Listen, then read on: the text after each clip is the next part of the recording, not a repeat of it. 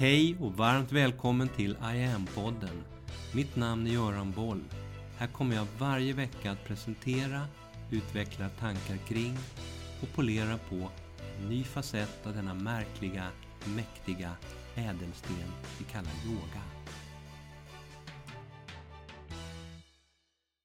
Hej! Det jag berättar här i podden kan du samtidigt läsa om i bloggen och där ligger också en del länkar till sånt som jag tar upp här. Länkar som du, om du vill, kan klicka på och läsa mer om det jag säger och de här olika ämnena som tas upp. På temat yoga som århundradets viktigaste kompetens så träffar jag under några månader ett antal väldigt kloka kvinnor i alla åldrar som jag har samtalat med om livet och om yogan. Och jag ställer samma fråga till dem alla.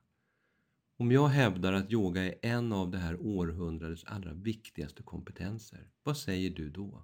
Utifrån dina egna erfarenheter av yoga. Hur tänker, hur resonerar du kring det här? Genom den här serien intressanta möten så har jag haft fantastiska rendezvous med Marit Mox, Margareta Maggansell, Ingun Mörner och Julia Svan.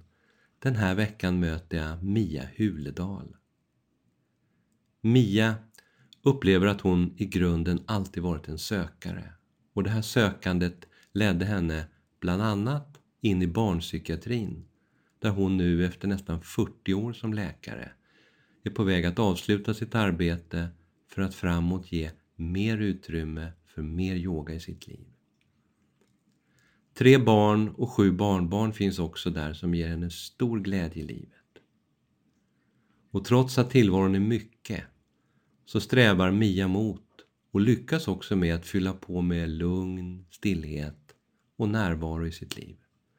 Det här sker via naturen, med morgondopp i sjön, långa promenader, skidor och skridskor på vintern, gärna oplanerade kreativa dagar och ett starkt kulturellt intresse med konst, teater, musik och litteratur. Mia läser mycket. Den sociala aspekten är viktig. Möten med människor, det är sånt som hon prioriterar.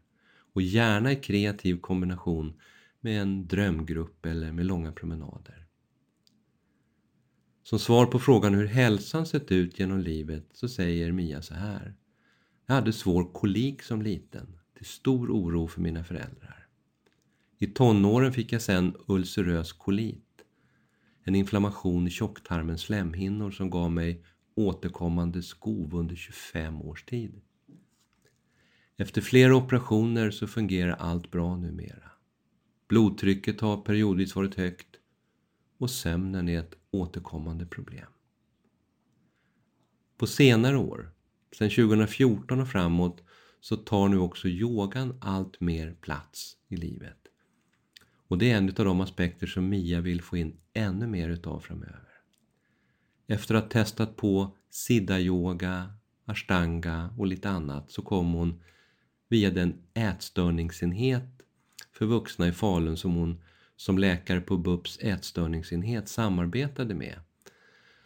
Där kom hon i kontakt med medyoga och hon gick själv utbildningen till instruktör på samma enhet där jag hade utbildat hela personalstyrkan bara några år innan. Trots yogautbildningen så blev det då lite mer sporadiskt med det dagliga utövandet för Mia. 2019 så hamnade hon starkt guidad inifrån på en yogavecka med mig på anläggningen Svenska Re i San Augustin på Gran Canaria. När jag under ett samtal där frågade henne hur mycket yoga som hon realistiskt kunde tänka sig att få in på daglig basis i livet så svarade hon 10 minuter. Men det blev början på och utvecklade sen snabbt till ett mer djupgående och mer regelbundet yogautövande för Mia. Både det fysiskt praktiska utövandet såväl som utlärandet. Men också utifrån ett eget djupare, mer grundläggande förhållningssätt. Där yogan och det yogiska tänkandet började finnas med henne hela tiden. Jag frågar henne, hur har yogan påverkat dig idag som vuxen, så här ungefär mitt i livet? Då svarar Mia Framförallt så är det kontakten inåt med den inre rösten i mig, det inre självet som jag har fått tillgång till via yogan. Och det geniala med yogan för min del, det är att den har gett mig en connection. Inte bara med mig själv, utan också med något större, något mer ogripbart. Den öppenhet i mitt hjärta, innerlighet och kärlek som jag upplever genom yogan har medverkat till balans och till en starkare livskänsla. Och när jag då säger, som jag återkommande gör i de här intervjuerna, att jag anser att yoga är en av det här århundradets allra viktigaste kompetenser för oss människor att ha med oss. Vad säger du då Mia? Hur resonerar det i dig? Och då svarar hon så här. Ja, jag är beredd att hålla med. Yogan verkar på så många plan. Så många aspekter av oss som mänskliga varelser. Allt ifrån det fysiska med ökad blodgenomströmning, påverkan på inre organ, nervsystem, balans och läkning med mera. Och sen det energimässiga, det som yogan pratar om som chakra. När man under övningarna fokuserar så stillas sinnet, vilket möjliggör för självet att komma fram, det som vi stoppat undan. Känslor, trauman, minnen och andra upplevelser. De kan komma fram och transformeras, läkas. Det finns en väldigt kraftfull möjlighet för oss alla i det här. Och Mia fortsätter. Sen tänker jag att stillheten som skapas, det öppnar upp för kontakt med det djupare självet, självet med stort S. Och en möjlighet att börja lyssna till djupare aspekter inom mig. Som ger bättre möjligheter till mer medvetna val och beslut både i det personliga såväl som i ett större perspektiv. Stillheten gör mig mer centrerad, mer fokuserad, vilket ger en större introspektion, vilket i sin tur också möjliggör för mer äkta möten med andra människor. Yogan kan öppna upp för tätare, mer frekventa, djupare medvetandetillstånd som kan innebära starkare upplevelser av att vara del av någonting större. Jag upplever att det är så fiffigt. Att yogan har en verkanseffekt med läkning och balans både på kroppslig, mental, känslomässig och andlig nivå. Samtidigt som det omedvetna eller undermedvetna är så intelligent att den yogiska energin söker sig dit där vi just då bäst behöver den.